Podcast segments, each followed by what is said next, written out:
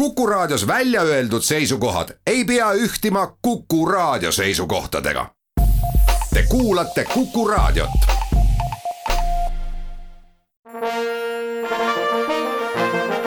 Vanemuise veerand. tere kõigile kuulajatele, seekordses saates on külas kaks külalist. üks nendest on autor, lavastaja ja osatäitja. tere, Reimo Sagor. tere ja teine on vähemate tiitlitega, aga siiski autor ja osatäitja Jaanus Nuutre, tere sulle, Jaanus! tere! ja ma kohe lisan, et ka siiski teatud määral lavastaja, sest see on trupitöö me hakkame rääkima lavastusest Ulmlejad, mina olen saatejuht Tiia Rööp ja just nüüd, kui teie, head kuulajad, kuulete meie jutuajamist, teevad nii Reimo kui ka Jaanus viimaseid esietenduse eelseid tegevusi, ma ei tea, mis need on, mis need on? Nüüd me oleme jõudnud sinnamaale, et eile oli esimene läbilonkamine ja täna oli esimene läbijalutamine. Nii et raadiokuulaja saab väga hästi aru, et me täpselt ennem esietendust ei räägi juttu, see jutuajamine on räägitud ära mõned päevad varem. niisiis, esietendus toimub kahekümne kaheksandal jaanuaril Sadama teatris ja selle lavastuse kohta võiks ka öelda, et tegemist on omamoodi sotsiaalse eksperimendiga Te tahtsite teada saada, millest Eestimaa inimesed unistavad. ja et oleks kergem teile oma unistustest teada anda, oli teil ka küsimustik kümne küsimusega. ja nüüd on minu küsimus, kas vastajaid oli loodetult arvukalt või ületati teie unistused? Ütleme niimoodi, et eh, kui me nüüd realistlikult vaatame, siis vastajaid oli täpselt selles mahus, mida me suutsime läbi töödelda. võib-olla mõned siia-sinna oleks veel mahtunud, aga me oleme väga rahul, mina isiklikult olin isegi üllatunud, et neid vastuseid tuli niivõrd palju. see number jäägu saladuseks. küsimustele sai vastata kuni septembrikuu lõpuni ja sedamoodi anda oma panus oma unistustega selle lavastuse valmimisse. mida te edasi tegite teile usaldatud unistustega? Kuidas see protsess välja nägi? me lugesime neid kõik koos, äh, me arutlesime nende üle, me otsisime nendest äh, mingisuguseid äh, nii-öelda essentse või selliseid. ja ühisosasid. ühisosasid mm -hmm. ja siis hakkasime juba fantaseerima, et kuidas me lavastusse nad mahutame, kuhu ja siis ka tegime sellise päris sellise mõnes mõttes, mm, kuidas öelda võib-olla natukene julma liigutuse, et me muutsime need unistused statistikaks.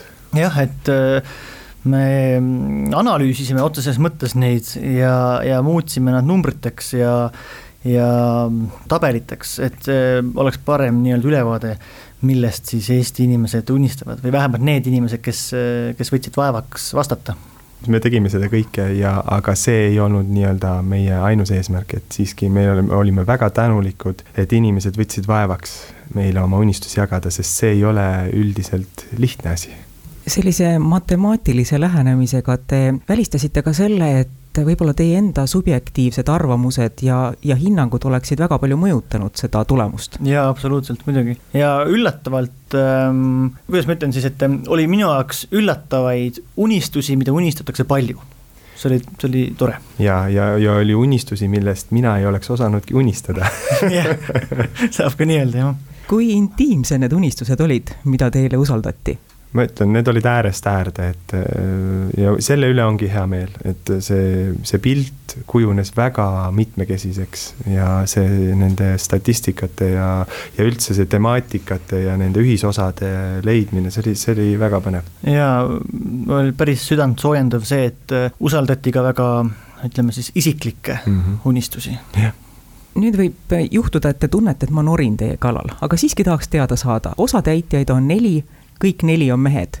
kas mängitakse meeste unistusi see on väga hea küsimus. Äh, kunagi, kui see idee mul peas tekkis, siis ma isegi ja esimestele inimestele ma seda rääkisin, siis see meessõna, sõna mees oli seal sees küll jah oli isegi lavastuse kirjelduses, et millest unistavad Eesti mehed ja nii edasi ja nii edasi. aga nüüd vaadates siis neid äh, numbreid, kes meile vastasid, siis äh, mees jäi sealt üsna ruttu kõrvale. jah, mehed toovad esile naiste unistusi või no päris nii tegelikult ei, ei saa üldistada, aga, aga valdav osakaal jah, ei olnud meeste, meestel. millest see tulla võiks, Eesti mees on nii kinnine no see on selline pikem arutelu, ilmselt me peaksime siia kaasama psühholooge ja, ja kuidagi, aga oli mehi, see ei tähenda, et ei olnud mehi. mehi oli, mehed vastasid julgelt ja ausalt, mis on kõige tähtsam. Aga võib-olla naised, naistele see temaatika kuidagi, julgus rääkida neid asju võib-olla on jah, natukene südamelähedasem. julgen oletada, et ju te oma sõprusringkonnas sõprusringkondades tegite ka sellist väikest suunamistööd, et ole hea, meil tuleb selline lavastus, selline tore mõte, selline küsimustik mida sõbrad ütlesid, raputavad mõlemad mehed pead, ütlevad, nemad ei ole seda teinud. ei, ei teinud jah, ja ma mõtlesin, et sa tüürid teisele poole, et, et kindlasti ta ise ka küsisite, millest te unistate oma sõpradelt või niimoodi, et et seda kindlasti ja, ja ka oma vanematelt ja vanavanematelt, aga et palun osalege, absoluutselt ei teinud jah. seal on lihtsalt see probleem tekib, et kui inimene tunneb, et ta peab seda tegema mingisuguse sundusega, siis need vastused eh, ei pruugi olla ausad. kui sa tunned, et sa tahad ja minu arvates see on enamus asjadega ikkagi nii, et sa pead ise tundma, et ma tahan sellele vastata või seda panust anda, siis see on aus, puhas ja ilus mm.. et ikkagi see sõna matemaatiline kõlab selle lavastuse ettevalmistuses. kümme küsimust, Exceli tabel erapooletud inimesed see on oluline teatris, teatav erapooletus, teatav selline julgus vaadelda asju sellise kuivema pilguga või ausama pilguga, et mis siit siis nüüd kokku tuleb ja mida see meile ütleb, et jah, selles suhtes küll, see on oluline. aga see kindlasti ei ole ainuks, ainult see põhjus, miks me soovisime, et inimesed meile vastaksid. minul isiklikult oli paljuski tunne, et tunnistamine on kuidagi äh, kuidagi natukene kaduv kunst või kaduv väärtus, mida ei julgeta teha, aga need vastused andsid mulle väga palju tegelikult lootust, et mm, see ei ole üldse nii hull, kui ma olin võib-olla mõelnud jah, proovi tehes ma sõitsin tihti Tallinnast äh, Tartusse, nüüd ma enam ei ela Tallinnas, aga, aga toona elasin. rääkisin selle, selle loo ähm, proovis ka, et olen rongis, vaatan enda ümber, minul on iPad ees teistel kõigil on telefonid või, või kõrvaklapid peas ja üks naisterahvas vaatab aknast välja. ja niimoodi üks tund viiskümmend kaheksa minutit, nii kaua kui rong sõitis. ta vaatas aknast välja. ja kõik meie teised tegelesime mingi muu asjaga. see oli kuidagi nii mm, noh, praegu tuli ikka kananahk nahk peale. et nagu sa ütlesid, see, et see tundub selline kaduv, kaduv äh, väärtus, mida me võiksime rohkem, äh, rohkem endas leida, seda unistamisrõõmu Jaanus, sus nii palju julgust ei olnud, et äh, minna selle inimese juurde ja küsida, et äh, millest ta mõtles? tead, ma ei tahtnud teda segada ma olen pigem seda Ita-Everi usku, et ma vaatlen ja, ja mõtlen ise sinna juurde, et millest ta siis unistab või mõtleb. jah, küsimistega on alati see, et ähm, tuleb olla valmis selleks, et vastus ei pruugi meeldida ka seda, jah. see küsimus, mis mul nüüd tuleb, see võib olla ka selline, et võib-olla, kui ma olen selle välja küsinud, mõtlema, et oli siis nüüd tarvis küsida, vaata, mis nad mulle vastavad. aga ma olen märganud, et inimestes on väike pelgus, kas kontserdi külastamise ees või teatri külastamise ees. Sadama teater on üsna väike hoone, üsna intiimne, mida te ütleksite nendele inimestele, kellel on uudishimu, aga samas väike pelgus?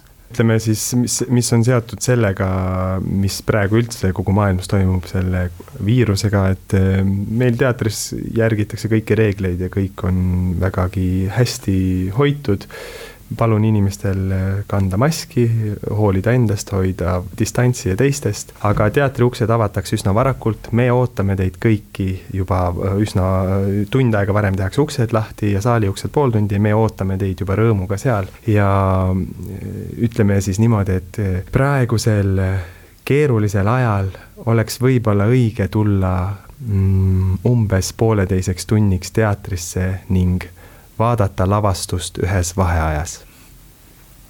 Janus ei taha midagi lisada? ei taha oled eelkõnelejaga nõus? ma olen nõus ja mitte ainult äh, ma kuidas ma ütlen, ma toetan, ma toetan seda avaldust.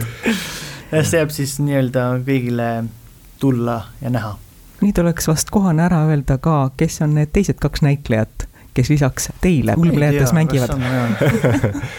meil on veel laval eh, Veiko Porkanen ja Jaanus Tepomees, aga väga tugevad labatagused jõud on olnud Oliver Issak, Fei Piir Liisa Jurtom ja kogu Vanemuise tehniline tiim Indrek Asukülliga ja Andres Sarvega ja, ja üldse kõik see, meil on väga sihuke perekondlik õhkkond olnud, mis on väga tore loomemoment olnud. ja seda mina kui mitte vanemuinlane, nii-öelda siis vabakutseline, kes on kaasatud siia, kindlasti kohe olen sellega nõus, väga soojalt on võetud vastu, tehniline üldse maja, et väga, väga suur aitäh niisiis, alates tänasest mängitakse Sadama teatris lavastust Ulmlejad.